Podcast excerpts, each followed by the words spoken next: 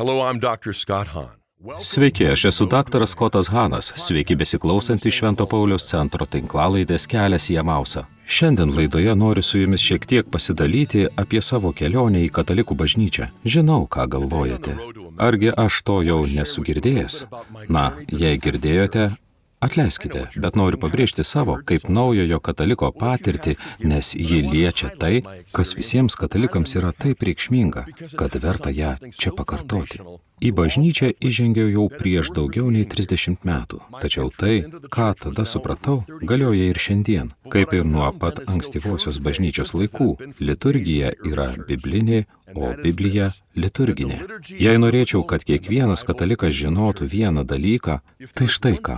Kai pradedi suprasti, kaip šventasis raštas formuoja ir informuoja liturgiją, viskas pasikeičia. Tiek daug mūsų darbo švento paštalo Pauliaus centre sutelkta į katalikų ūkdymą, skaityti Bibliją iš bažnyčio širdies, o plakanti bažnyčio širdis iš tiesų yra liturgija. Joje bažnyčia kartu skaito senai ir naujai testamentus taip, kad jie suteikia prasme mūsų gyvenimui, lygiai taip pat kaip ir atskleidžia visą apimantį Dievo išganimo planą. Tad klausykime kartu ir prašykime viešpaties atverti mums akis, kad pamatytume glaudų šventojo rašto ir liturgijos ryšį. Noriu pradėti nuo istorijos, kurią, manau, visi žinome. Ji parašyta Luko Evangelijos 24 skyriuje ir tai tikrai mano mėgstamiausias pasakojimas. Joje pasakojama apie Kleopą ir jo draugą keliaujančius iš Jeruzalės į Emausą. Jie yra nusiminę ir staiga susitinka su nepažįstamuoju žmogumi, kurį jie laiko nepažįstamuoju, Jėzumi inkognito. Jiems einant ir kalbantis, jis paklausė, apie ką jie kalbasi. Jie kiek nustemba, paaiškina, o jis leidžia jiems tęsti ir tęsti, kol galiausiai jie baigia, tada atsisuka į juos ir, kaip prisimenate, švelniai, bet griežtai sudraudžia. Jis sakė, kokios nerangios jūsų širdis tikėti viskuo, kas parašyta įstatymė ir pranašuose. Taigi, pradėdamas nuo Mozės įstatymo ir visų pranašų, jis atveria raštų prasme ir tai tikriausiai buvo kelių valandų mokymas. Mes su Džefu kartu keliavome iš Jeruzalės į Amausą ir tai nėra trumpa kelionė, tai ilgas ir vingiuotas kelias, todėl jie tikriausiai turėjo daug laiko klausytis ir mokytis. Ir vis dėlto jie taip ir net pažino jo, kol jis ėjo kartu. Jie įtikino jį pasilikti ir ką jie padarė? Jie susirenka aplink stalą ir įvyksta keturi dalykai. Keturi veiksmažodžiai pavartoti Luko Evangelijos 24 skyriuje, tie patys keturi veiksmažodžiai, kuriuos skaitėme Luko Evangelijos 22 skyriuje. Jis paima duoną, palaimina ją, laužo ir duoda jiems. Ir staiga kas atsitiko? Jiems atsivėrė akis ir staiga jis dingo jiems iš akių. Ir ką jie daro tada? Jie pažvelgia vienas į kitą, apsisuka ir grįžta atgal į Jeruzalę. Jie suranda 11 paštalų ir praneša apie savo patirtį ir apie tai, kaip jų širdis buvo užsidegusios, kai jis atvėrė raštų prasme, bet jų akis atsivėrė jam laužant duoną.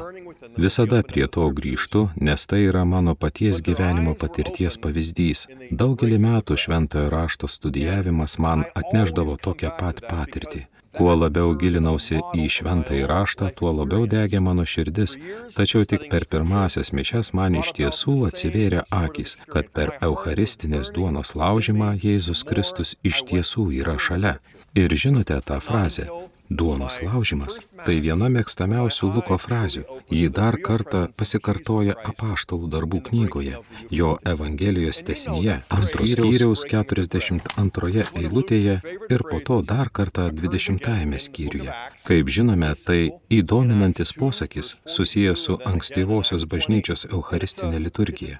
Ir štai kodėl manau, kad ji tarnauja kaip pavyzdys ne tik atsivertėliams, tokiems kaip aš, kurie daugelį metų studijavo šventąjį raštą, o paskui atrado realų Jėzaus buvimą Euharistijoje, bet esu įsitikinęs, kad ji turėtų tarnauti kaip pavyzdys kiekvienam katalikui. Nesvarbu, ar jis būtų atsivertelis ar katalikas nuo vaikystės, Ir atvirai kalbant, esu įsitikinęs, kad katalikai nuo vaikystės yra geriausi atsivertėliai iš visų, nes atvirai kalbant, mes visi esame atsivertėliai, mes visada turime atsiversti, trokšdami nuolatinės, nuolat gilėjančios atsivertimo malonės, štai dėl ko mes čia susirinkome, būtent tai patiriame per mokymą ir pokalbius. Taigi ši idėja atskirti katalikus nuo vaikystės ir atsivertėlius yra šiek tiek dirbti išskirtinė. Ir ypač, kai žvelgiame į tokį pasakojimą kaip Luko 24 skyriuje, matome ne tik atsivertimo modelį, bet ir patį mišių modelį. Nes kokia yra mūsų klausimo patirtis kiekvieną viešpatės dieną. Tai įstatymas ir pranašai, o paskui juos išpildanti Evangelija. Tai yra šventojo rašto duonos laužimas. Tai yra žodžio liturgija, o modelis, kurį sukūrė ankstyvoji bažnyčia, buvo paimtas iš modelio, kurį Jėzus pristatė tiems dviems mokiniams. Taigi Senasis testamentas visada mums pateikia pažadus, pranašystės, spėjimus, o tada Evangelija, kurioje matome Jėzų išpildanti visus Dievo pažadus. Tačiau tai niekada nesibaigia. Kiekvieną mišių dieną, kiekvieną viešpaties dieną patirime, kaip skaitoma Senasis testamentas. Girdime pažadus, kurie išsipildo Evangelijoje o po tikinčiųjų maldos pereiname prie Eucharistijos liturgijos. Ir yra ryšys, kuris siekia visą kelią iki tų dviejų mokinių, einančių keliu ir sėdinčių prie stalo. Argi mūsų širdis nebuvo užsidegusios, kai jis atvėrė raštų prasme iš tiesų turėtų būti tai, ką sakome kiekvieną savaitę, kai klausomės žodžio liturgijos. Senojo testamento pažadai, kuriuos Kristus išpildo naujajame ir staiga duonos laužimas. Ir mes atrandame, kad tai ne tik tada gelbstinti tiesa. Jėzus yra čia ir dabar. Būsiu labai atviras. Niekada nepavargstu apmastyti savo patirties, nes buvo smagu studijuoti Naująjį testamentą vidurinėje mokykloje. Ir pagaliau man užteko disciplinos atsisėsti ir perskaityti visą Bibliją iki galo. O paskui, baigęs vidurinę mokyklą, baigiau antrą kartą. Bet iki to laiko buvau labai tikras dėl vieno dalyko. Senasis testamentas man buvo svetima teritorija. Buvo tam tikrų mėgstamų jo dalių, bet didžioji jo dalis man buvo svetima. Taigi, kai nuėjau į koledžą ir išmokau graikų kalbą, naujasis testamentas man buvo namų žaidimas. Senasis testamentas tebe buvo svetimas žaidimas. Seminarija tai pakeitė. Mokiausi hebrajų kalbos, mokiausi Senojo testamento iš genialių vyrų, kurie jį atgaivino. Tačiau manau, kad didžiausia patirtis buvo ne mokymasis pagal garsius Senojo testamento mokslininkus ar Naujojo testamento žinovus. Ji buvo skaitant pirmuosius tėvus, kurie regis visada darė tai, ko mano mėgstamiausi profesoriai beveik niekada nedarė. O tai buvo Senojo ir Naujojo testamento sujungimas. Per pamokslą po pamokslo vis girdėdavau, kaip pamokslininkas vis iš naujo skelbė mėgstamiausią savo ištrukas, bet beveik niekada tai nebuvo Senasis testamentas. O jei ir būdavo, tai šiek tiek izoliuotai. Tačiau praleisdęs tris ar keturis mėnesius prie ankstyvųjų bažnyčios tėvų, ruoždamasis baigti geriausiais pažymiais, supratau, koks nemokša būčiau buvęs ketvirtajame amžiuje nes jie mane mokė visų šių dalykų, kai aš ruošiausi baigti mokslus geriausiai savo klasės pažymiais. Jie man rodė Senojo testamento pažadus ir jų išpildymą naujajame, Ir man tai buvo įdomu. Tačiau prisimenu, kai atvykau į katalikišką į universitetą Milvokyje ir studijavau pas profesorius, kurie ne tik supažindino mane su ankstyvaisiais tėvais, bet ir atskleidė man senovinės ankstyvosios bažnyčios liturgijos dokumentus, nes staiga supratau, kodėl pirmieji tėvai tai pamokslavo. Todėl, kad būtent tai ankstyvoji bažnyčia visada pateikdavo kiekvieną sekmadienį liturgijoje. Tai buvo, kaip sakoma, Luko Evangelijoje Evangelijoje įstatymas ir pranašai. Ir tada, žinoma, būdavo skaitoma Evangelija ir laiškai. Ir jie niekada nebuvo savavališki ar atsitiktiniai. Jie visada buvo sąmoningai išdėstyti taip, kad išgirstumėte senuosiuose pažadus, kuriuos Kristus išpildys Evangelijos tekstuose. Taigi, kai studijavau šiuos senovinius liturginius dokumentus ir tradicijas, nors vis dar buvau protestantas, tai iš tiesų ėmė žadinti mano smalsumą. Prisimenu programą, pagal bulkare tiesiog pradėjau skaityti ne visą Bibliją, bet daugumą svarbių skyrių. Ir trumpai tariant, perskaitęs tėvus ir senovės bažnyčios liturgiją, ėmiau suprasti, kad niekada nesu suvokęs vienos iš pagrindinių šventojo rašto tiesų, kad liturgija yra vienintelis dalykas, kurį rasi kiekviename Biblijos puslapyje. Mat buvau užaugęs tam tikroje evangelikų aplinkoje, kur kiekvienos pamaldos buvo orientuotos į pamokslą, o kiekviena bažnyčia, kurią lankiau, buvo orientuota į pastorių. O Euharistija, mes jos taip net nevadiname, tai buvo periferija, gal keturis kartus per metus. Niekada nebuvo kalbama apie liturgiją. Tai niekada nebuvo liturgija, kurią rastume šventajame rašte. Bet kai skaičiau tėvus ir kai studijavau senuosius, ankstyvosios bažnyčios dokumentus ir atradau Eucharistinės liturgijos ir Dievo tautos garbinimo centriškumą ir tai, kad kiekvieno kataliko gyvenimo centre visada buvo Euharistija kiekvieną sekmadienį, staiga tai suteikė man tokį supratimą, ką pradžios knygoje pirmajame skyriuje daro Dievas. Na, Mes dėl to diskutuojame jau šimtmečius, bet senovės žydai suprato, kad pagrindinis pradžios pirmos knygos tikslas buvo ne aprašyti, per kiek laiko, sukantis laikrodžio rodikliai, Dievas sukūrė pasaulį, bet kam Dievas sukūrė. Jis sukūrė per šešias dienas, kaip tik laiku, kad septintąją dieną šabą pašventintų savo kūrinį. Tai garbinimo diena, tai liturgijos diena, Taigi tai buvo poilsio diena, kai sustabdome savo darbą, nes pripažįstame, kad mūsų darbas negali būti gerai atliktas be Dievo. Mes nutraukėme savo darbą, kad Dievas galėtų atlikti savo darbą mumise per liturgiją, per garbinimą. Septintoji diena - šabas yra kūrimo kulminacija. Ir aš atradau, kad net protestantai gali tai išvelgti. Pavyzdžiui, didysis vokiečių profesorius Klausas Westermanas pasakojimą apie sukūrimą apibūdina kaip, cituoju, dieviškąją liturgiją. Taigi kosmosas yra šventikla, taip Dievas modeliuoja kūrinyje. Vėliau kiekvienas izraelitas taip pripažįsta. Saliamonas statydamas šventyklą sumušė visus statybų rekordus. Jis skubėjo ją užbaigti greičiau nei bet kuri iš kaimininių tautų. Jis baigė per septynerius metus, kaip tik laiku, kad septintąjį mėnesį galėtų šventyklą pašventinti. Per septintąją kalendoriaus šventę, kuri truko, spėkite, kiek dienų - septynias dienas. Septintąją dieną Saliamonas pašventino šventyklą, kad kiekvienas izraelitas suprastų, jog šventykla yra visa kūrinyje miniatūroje, lygiai kaip visa kūrinyje yra makro šventykla, kurioje gyvena Dievo šlovė. Jie liturgiškai žiūrėjo į pasaulį, liturgiškai žiūrėjo į savo darbą, matydami, kad jų darbas yra sutvarkytas taip, kad būtų laiko Dievo garbinimui. Mūsų darbas visiškai atliekamas per liturgiją. Ir taip pradėjo atverti man akis į tai, ko anksčiau niekada nebuvau pastebėjęs šventajame rašte. Perėjau nuo Adomo prie Nojaus, kito svarbaus išganimo istorijos skyriaus. Jis pastato arką, pasiema gyvulius, kaip mes žinome, po vieną porą visų gyvūnų, bet buvo viena, atrodytų pašalinė detalė, į kurią niekada nebuvau atkreipęs dėmesio. Septyni švarūs gyvūnai. Kodėl jis turėjo paimti į arką septynis švarius gyvūnus?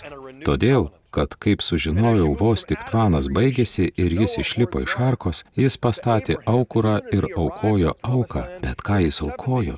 Švarius gyvulius. Kiekvienas senovės žydų skaitytojas žinojo, kas yra švarus gyvulys. Aš to nežinojau. Aš tik tarsi įsivaizdavau, kad tai ne šunis, jie nešvarus.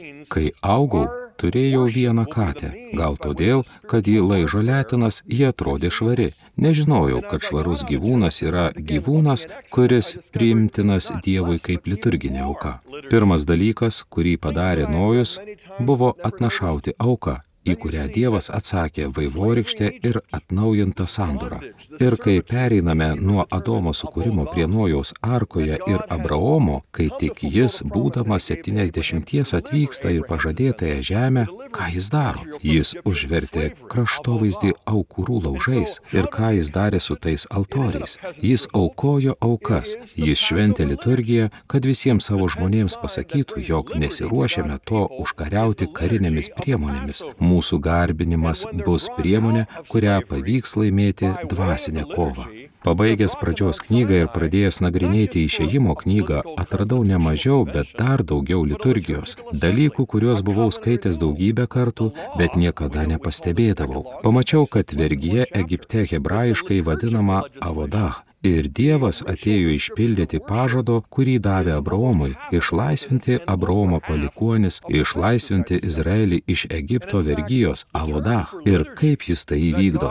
Tai ne valstiečių sukilimas, tai Pescho arba Paschos, Velykų liturgija. Dešimtasis ženklas, atnešantis Dievo tautai laisvę, yra Paschos liturgija. Kai liturgijos dėka jie išvedami iš vergyjos, jie atgabenami prie Sinajaus kalno ne tik į politinį konstituciją, konstitucinį susirinkimą, bet ir į liturginį susirinkimą, į sandoros atnaujinimą. Įstatymas, kurį vadiname dekalogu, užima mažiau nei vieną skyrių, tačiau liturginiai teisės aktai ritualinis, garbinio prašymas sudaro beveik pusę išėjimo knygos ir daugiau nei pusę mano naujai atrastos penkiaknygės. Ir iš tiesų, liturgija yra šis terminas, ką Dievas nurodė Izraeliui atlikti jo akivaizdoje. Jie turėjo aukoti savo garbinimą. Jie turėjo atlikti šią tarnystę, o hebrajiškas žodis reiškintis tarnystę Dievo akivaizdoje yra avoda, tapatus hebrajiškam vergyjos terminui. Skyrius tai faraonui, tai reiškia vergyją, pažeminimą ir vergyją. Tačiau, kai tai aukojate Dievui, tai yra laisvė. Tai tikra laisvė ir išsipildymas, kai Dievo tauta per sandorą garbinimo būdu atranda, kas jis iš tikrųjų yra. Dievas yra mūsų tėvas. Mes esame jo šeima ir mes minime ir švenčiame. Ir toliau skaitydamas Bibliją dėl bažnyčios tėvų ir ankstyvosios bažnyčios liturgijos, vis rasdavau liturgiją. Vis matydavau, kad pagrindinis turinys, pagrindinė Biblijos žinia buvo kažkas, kas man ilgus ilgus metus buvo paslėpta, nes niekada nebuvau patyręs liturgijos sakramentinio garbinimo. Niekada nebuvau skaitęs ar studijavęs ankstyvosios bažnyčios garbinimo, senovinės liturgijos ar ankstyvųjų bažnyčios tėvų aprašymų. Bet kai su tuo susipažįsti, staiga grįžti į atrodo gerai pažįstamą teritoriją ir pastebi visus šiuos dalykus, Kai eini nuo išėjimo knygos per kunigų knygą, skaičių knygą ir pakartoto įstatymo knygą, kai jie pagaliau įveikia dykumą ir kerta Jordaną, kaip jie kerta Jordano upę, liturgija. Levitai neša sandoros skrynę ir staiga Jozuei vanduo persiskiria kaip ir moziai. Levitai nešantys skrynę ir visas Izraelis eina per vandenį, prasiskyrusi vandeniu kaip sausumą. Kai jie užkariauja pažadėtąją žemę, ką jie naudoja? Na, jie neturėjo oro pajėgų, neturėjo artilerijos, jie pasikliovė tik pėstininkais. Ne, jie priklausė nuo liturgijos, garbinimo. Kai Jerichas buvo užpultas pirmasis, tai buvo visos pažadėtosios žemės tvirtovė.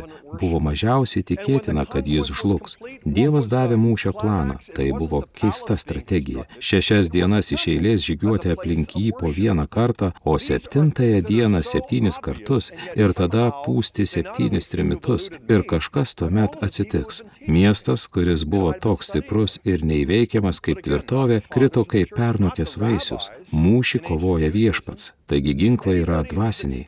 Tačiau kokius dvasinius ginklus turime mes? Liturgija, garbinimą, maldą, Dievo galybės, kuri pranoksta mūsų jėga šventimą. Taigi jie ne tik išėjo iš vergyjos per garbinimą ir atvyko prie Sinajaus kalno dėl garbinimo, bet ir įžengė į savo paveldą per garbinimą ir pradėjo užkariavimą per liturginį šlovinimą ir dėkojimą už sandorą garbinimo metu. O kai užkariavimas buvo baigtas, kokia buvo kulminacija? Tai buvo nestatomi rūmai, bet šventikla kaip garbinimo vieta.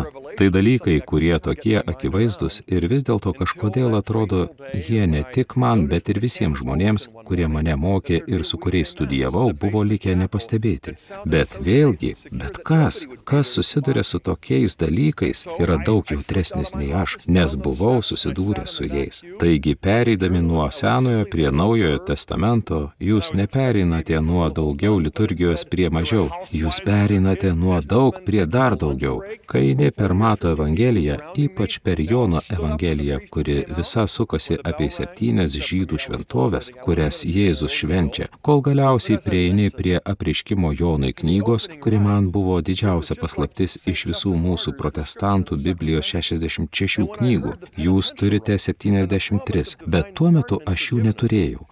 Apreiškimo knyga buvo kažkas, ko niekaip negalėjau suprasti iki tos lemtingos dienos, kai vieną rytą universiteto miestelio naujienlaiškyje pastebėjau, kad Rusija esančioje koplyčioje, kuri atrodė esanti taip saugiai nuo šaliai, kad ten niekas manęs nepastebės, bus eilinės dienos mišios. Taigi išslinkau iš savo kabineto tais laiptai žemyn ir atsisėdau ant galinio suolo kaip žurnalistas. Buvau atėjęs tiesiog stebėti ir tikėjusi, kad ten bus gal pora senų vienuolių, bet vietoj jų buvo namų šeimininkės su vaikais pietų pertrauką turintys verslininkai, mane supo 40 ar 50 žmonių. Jie visi atsistojo prieš kunigą, kuris išėjo nuskambėjus varpeliui, išskyrus mane. Aš vis dar sėdėjau. Nesiruošiau nei stovėti, nei klupoti, bet kai klausiausi įžanginės apieigos, buvo visai kaip šventojo Justino kankinio aprašyme antrajame amžiuje. Išgirdęs atgailos apeigas ir dieviško atleidimo pažadą, stebėjau, kaip visi susėdo, o tada klausiausi, kai buvo skaitomi šventojo rašto skaitiniai ir tai buvo pirmas kartas per kelis mėnesius, gal daugiau nei metus, kai girdėjau skaitant Senąjį testamentą, paskui kitą ištrauką psalmę iš Senojo testamento, o kai visi atsistojo Evangelijai, man tai pasirodė keista. Kodėl katalikai rodo pagarbą Biblijai, kai mes esame Biblijos krikščionis, bet kai klausiausi Evangelijos, taip pat buvo taip akivaizdu, kad kažkas sąmoningai pasirinko tą tekstą, nes jis rodė, kaip Jėzus išpildo pažadus aprašytus Senojo testamento ištraukos pradžioje. Spėju, kad labai panašiai, kaip mūsų viešpats darė Kliopui ir jo draugui pakeliu į Emausą. Dabar turiu prisipažinti, kad homilija paliko mane šiek tiek prislėgtą. Žinote, tikinčiųjų malda buvo gerai, tik jie meldėsi kažkokiam mirusiam vaikinui, kurį vadino šventuoju, o tam nebuvau visiškai pasiruošęs. Nežinojau, kur Biblijoje galima tai rasti. Vėliau radau, bet kai visas veiksmas persikėlė nuo sakyklos prie altoriaus, tada mano akis, širdis ir protas iš tikrųjų atsivėrė, nes tikrai nebuvau pasiruošęs pirmą kartą išgirsti katalikų kunigo ištartus konkarkacijos žodžius. Bet kai išgirdau jį sakant, kad tai yra mano kūnas, supratau, kad tai Jėzus. O kai jis pašventino taurę, man tiesioginė to žodžio prasme ėmė tysti seilės iš Kristaus kūno ir kraujo troškulio. Nežinojau, ką daryti, tačiau labiausiai mane nepamirštamai sukrėtė beveik kaip praėjusią savaitę, kai visi žmonės pradėjo gėdoti Dievo avinėlį, kuris naikini pasaulio nuodėmes. Paskui antrą kartą Dievo avinėlį, paskui trečią kartą. Tada jie puolė ant kelių ir visi stebėjome, kaip kunigas pakėlė ostiją ir ketvirtą kartą pasakė, štai Dievo avinėlis. Ir staiga tai buvo mano eureka, atradimo akimirka. Dievo avinėlis, Dievo avinėlis, Dievo avinėlis, Dievo avinėlis. Keturis kartus per mažiau nei minutę. Ir staiga supratau, kur esu. Buvau ne tik Rusija esančioje koplyčioje, buvau Naujojo testamento gale, buvau Šventojo Jono apreiškime, kur iš ilgamečio skaitimo iš graikų kalbos vertimo į anglų kalbą žinojau, kad Jėzus daug kur vadinamas viešpačiu viešpačiu, karalių karaliumi. Tačiau vienas titulas, kuris ten vartojamas dažniau nei visi kiti, yra Dievo avinėlis. Dievo avinėlis. Dievo avinėlis. 28 eilutėse, 22 skyriuose Jėzus apibūdinamas kaip Dievo avinėlis. Ir niekas man niekada nepaaiškino, kodėl. Niekas net neteikė galys paaiškinti, kodėl. O kai pažvelgiau į apreiškimo knygą, praktiškai kiekviename jos puslapyje pradėjau matyti žodžius Dievo avinėlis. Dievo avinėlis, Dievo avinėlis. Bet taip pat pradėjau pastebėti ir tokių dalykų, kurių anksčiau nebuvau matęs. Pavyzdžiui, šventas, šventas, šventas viešpats. Apreiškimo knygos ketvirtos skyriaus aštuntoje eilutėje. Čia yra Dievo avinėlis, šventas, šventas, šventas.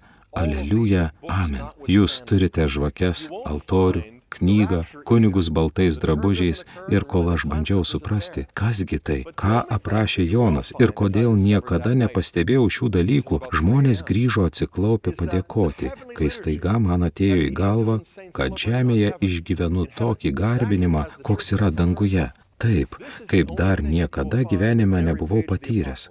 ir bandžiau suprasti, ar esu Rusija ar Naujojoje Jeruzalėje. Ir staiga man atėjo į galvą, kad atsakymas yra C ir A ir B Aš esu profesorius, taip mastau, kalbant apie bandymus. Ir man atėjo į galvą, kad giesmės ir maldos, kurias mes gėdojome ir meldėmės, buvo tos pačios, kurias gėdojo šventieji, kankiniai ir angelai. Šventas, šventas, šventas ir visi kiti dalykai.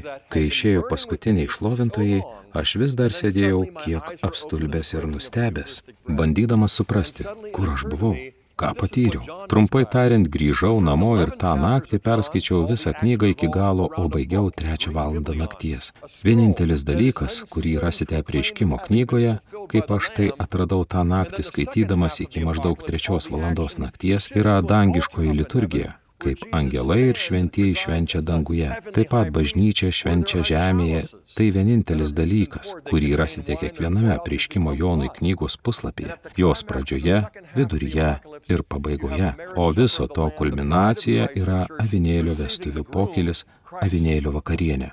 Man tai buvo didžiausia patirtis, dėl kurios tapo neaišku, kur būsiu kitą dieną iki pietų. Buvau toje pačioje Rūsio koplyčioje, galinėme suole su Biblija, atsivertęs apriškimo Jonui pirmąjį skyrių. Dar negalėjau suprasti to prasmės, bet man jos ir nereikėjo.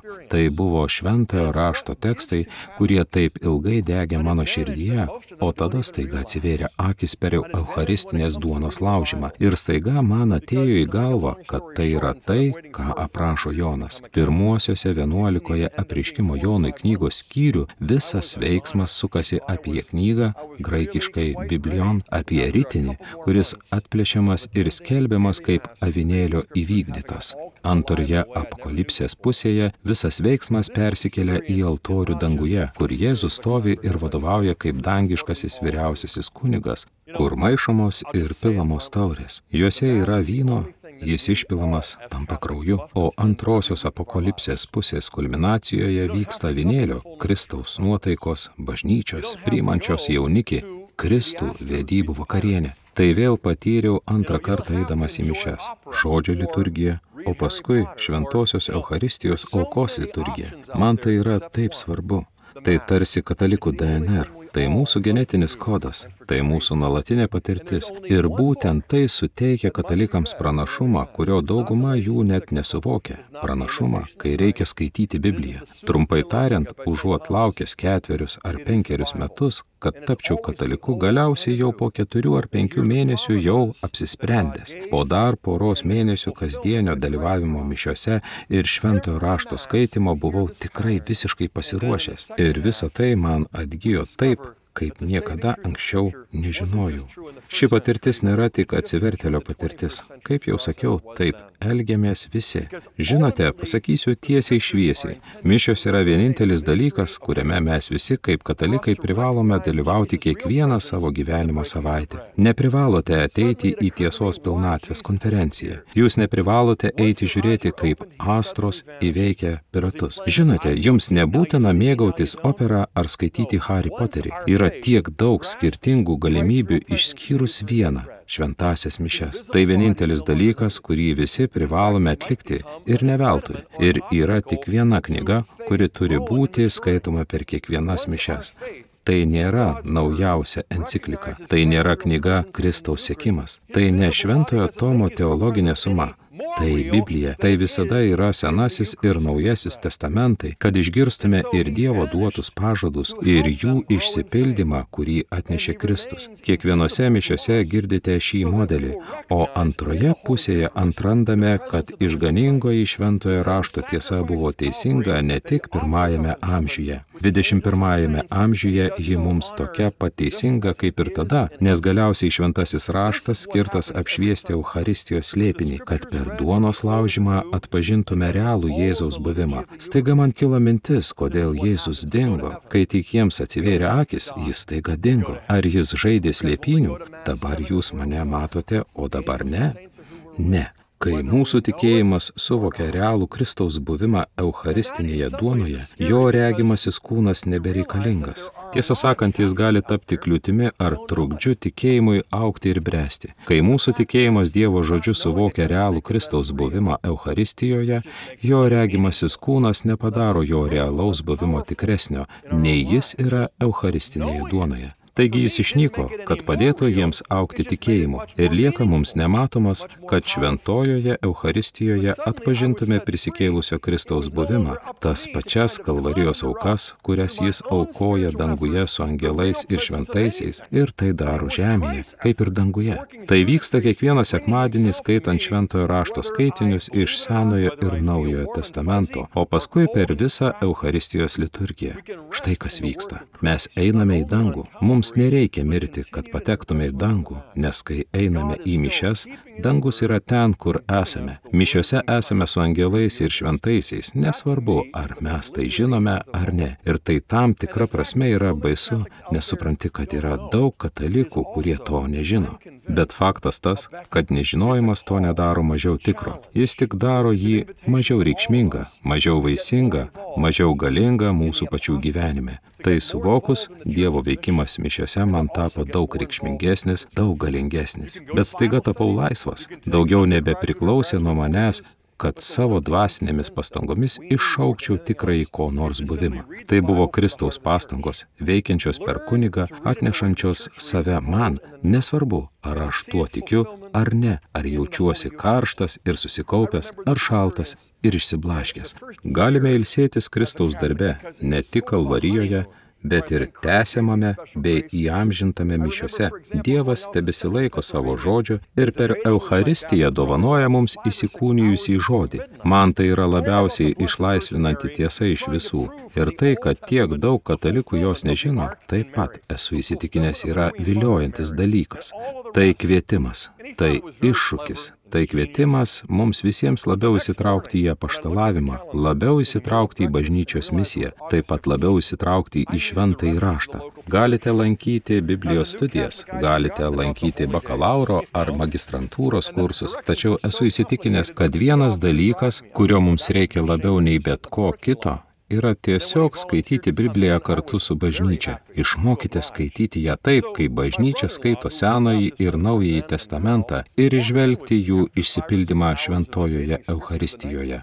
Prisimenu šią patirtį ir pirmuosius metus, kai buvau katalikas, nes tai buvo tarsi medaus mėno, kai, manau, Kristus suteikė man ypatingų malonių. Pavyzdžiui, prisimenu, kaip nuvykęs į centrinę Pensilvaniją penkias ar šešias valandas iki vidurnakčio diskutavau su savo broliu baptistu, teisininku apie švenčiausiąją mergelę Mariją, bandydamas iš Senojo testamento įrodyti skrynios išsipildymą Marijoje, karalienės motinos išsipildymą Marijoje ir visą kita. Jis mane, kad tai labai protinga ir genialu. Tačiau kitą rytą, kai vidury pusryčių pažvelgiau į kalendorių ir supratau, kad yra rūpiučio 15, man prireikė žemėlapio į vietinę parapiją. Kaip naujokas katalikas buvau pamiršęs apie šventasias dienas. Žinote, o nurodymai buvo tokie sudėtingi, kad jis pasisiūlė mane pavežti. Pasakiau, kad būtų gėda, tau tektų sėdėti automobilio stovėjimo aikštelėje. O kai jis pasisiūlė eiti labai mielai sutikau. Taigi mano svainis, kuris tada buvo ir dabar tebėra baptistų dvasininkas, įėjo kartu su manimi po penkių ar šešių valandų diskusijos apie šventąjį raštą praėjusi vakarą.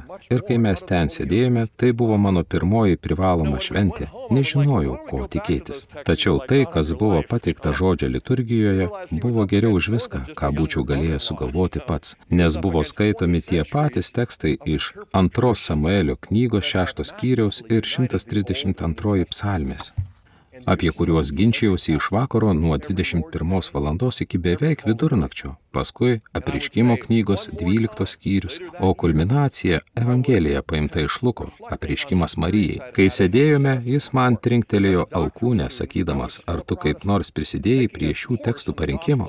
Aš pasilenkiau ir pasakiau, žinoma, kad ne, bet atvirai pasakysiu, jaučiausi taip, lyg būčiau laimėjęs loteriją. Negalėjau patikėti, kad visi mano gudrus argumentai nebuvo tokie originalūs, jie buvo labai neoriginalūs. Štai ką girdi kiekvienas katalikas katalikas, kai dalyvauja šventose mišiuose iš Senojo ir Naujojo testamentų. Ir buvo toks strateginis visų ištraukų susijimas. Dabar štai kas vyksta. Ir štai kaip mes ruošiamės. Ir taip mes gauname daug daugiau iš šventojo rašto, o savo ruoštų daug daugiau ir iš šventosios Euharistijos. Žinai, kai grįžome namo, aš sakau, kodėl mums negrįžti prie tų tekstų, o jis atsisakė. Jis suprato, kad susidūrė ne tik su jaunesniu svainiu, jis stojo prieš 20 amžių aiškinimo tradiciją, kuri meistriškai sujungia Senąjį ir Naująjį testamentą. Ir tai girdi kiekvienas katalikas, kiekvieną viešpatės dieną, kiekvieną šventą dieną. Vėliau tais pačiais metais apmašiau tai, ką buvau patyręs prieš porą semestrų. Būdamas doktorantas, vis dar protestantas, lankiau Mato Evangelijos kursą, kurį kurį skaitė pasaulinio garso mato Evangelijos ekspertas. Man buvo paskirtas tekstas, apie kurį turėjau parašyti 15 puslapių rašto darbo iš mato 16 skyriaus. Tu esi Petras, uola ir ant tos uolos aš pastatysiu savo bažnyčią ir duosiu tau karalystės raktus. Mano kolegos studentai buvo įsitikinę, kad aš sutelksiu dėmesį į Petrą kaip uolą ir iš to argumentuosiu. Tačiau aš susitelkiau ties karalystės raktais ir sugalvojau puikiausią ir išdangiausią geriausią aiškinimą. Mat, Olbraito komentare radau trumpą nuorodą į neaiškę Izaijo knygos 22 skyriaus pranašystę, kur Davido karalius turėjo 12 ministrų, bet vienas iš jų buvo karalius ministras pirmininkas ir jis jam davė karalystės raktus, Davido namų raktą, kad visi Davido karalystės ryties pavaldiniai žinotų, kas yra ministras pirmininkas.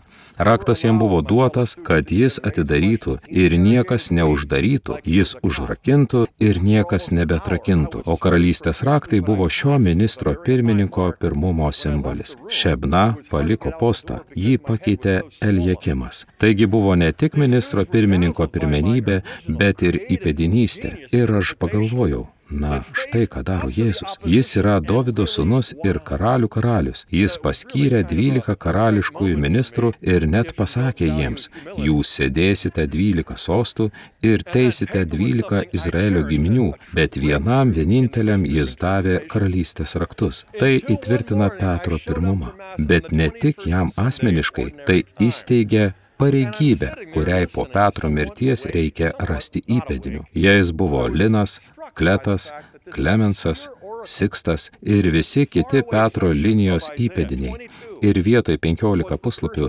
referato aš įteikiau maždaug 30 puslapių referatą, nes turėjau daug daugiau ką aš ginti. Žinote, kaip protestantas ginantis popiežystę. Na, o profesorius, kuris buvo liuteronų dvasininkas, niekada neleido mano kolegoms studentams net kelti klausimų. Jis tardė mane kaip policininkas. Beveik valandą smarkiai prakaitavau, bet egzaminą išlaikiau su labai aukštu pažymiu. Kai išėjau iš kabineto, buvo sunku išeiti pro duris, nes galva buvo labai patinusi. Šiuos mokinius apstulbino mano originali kūrybinga išradinga interpretacija, kuri susidūrė su opozicija ir tikrai nugalėjo. Žinote, man tai buvo tikrai savotiškai puikia akimirka ir tą darbą branginau kaip tikrą proveržį interpretacijos istorijoje. Kol vieną rytą atėjau į mišes 21 eilinio laiko sekmadienį ir sėdžiu ten ir klausausi šiek tiek pabudęs, šiek tiek nepabudęs, bet mane pribloškė tai, kad ši neaiški pranašystės tolimame Izaijo knygos 22 skyriuje buvo pirmasis skaitinys. Ir kai išgirdau psalmes, kalbančias apie karalių Dovydą ir visą kitą, tuomet mes visi atsistojome ir ir aš apstulbau, kai atspėjau, kokia buvo Evangelijos ištrauka.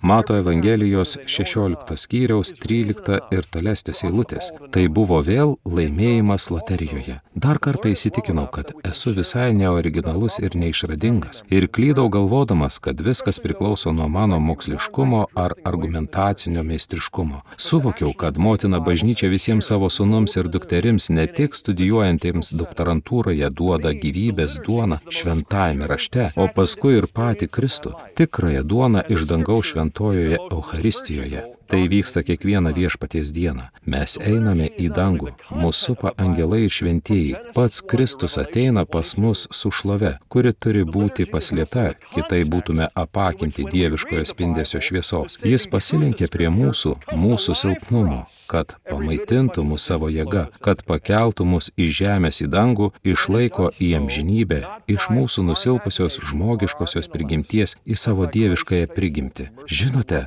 Tai, kad tai vyksta kiekvieną sekmadienį kiekvienam katalikui, nesvarbu, ar jis tai žino ar ne, yra pakankama priežastis, kad mes visi tai žinotume ir taip pat pakankamai gerai išmoktume, kad galėtume tuos dalykus su kitais, su savo artimaisiais, šeimos nariais ir draugais, ypač su tais, kurie galbūt klaidžioja ar tolsta nuo bažnyčios, kad iš tiesų skaitytume Bibliją ir dalytumės ją senuoju ir naujoju testamentu liturginėje aplinkoje. Man liturgija yra labiausiai šventuoju raštu persmelta gyvenimo patirtis, o šventasis raštas yra labiausiai liturginis dokumentas, kokį tik galima rasti. Liturgija Tai ne tik Biblijos turinys nuo pradžios knygos pirmojo iki apreiškimo 22 skyriaus. Liturgija taip pat yra kontekstas, kuriame, kai skaitome Bibliją, šventojo rašto išganingoji tiesa mums atgyja lygiai taip pat, kaip ir Kliopui bei jo palidovui.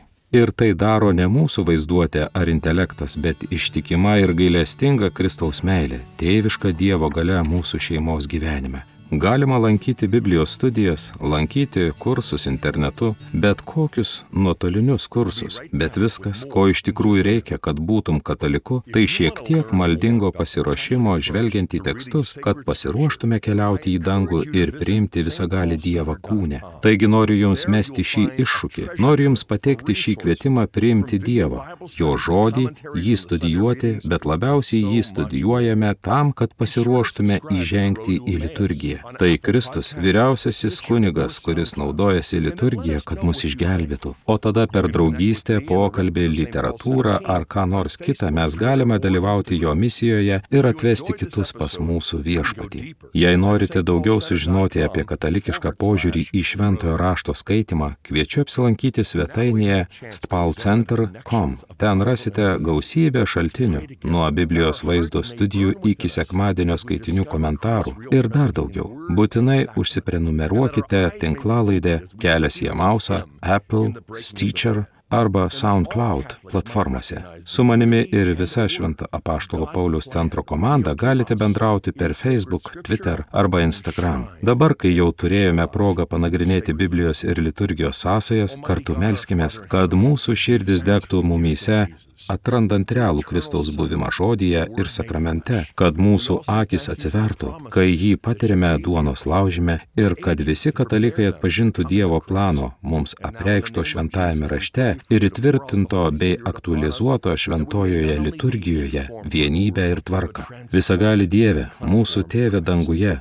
Dėkojame tau už Jėzaus, tavo amžinojo sunaus, kūnų tapusio žodžio dovaną. Taip pat dėkojame tau už pažadus, kuriuos per amžius davėjai savo tautai, kad paruoštum ją Kristaus ateimui. O dabar Jėzaus vardu melžiame tave išlieti ant mūsų šventąją dvasę, kad būtume ne tik informuoti žodžio, bet ir perkeisti bei padaryti panašus į Kristų. Jėzaus vardu melžiame. Amen. Iš Šventojo apaštalo Pauliaus centro aš esu Skotas Hanas ir noriu padėkoti, kad prisijungėte prie manęs kelyje į Amausą. Mūsų komandą sudaro techninis direktorius ir inžinierius Beketas Džoto bei asocijuotos producerės Melisa Gerard ir Molly Trainor. Mūsų garso režisierius ir redaktorius yra Filipas Busas. Mūsų laidos vedėjas dr. Skotas Hanas. Pauliaus centras yra pelno nesiekianti organizacija, skatinanti gyvenimą keičiančius susitikimus su gyvuoju Dievo žodžiu.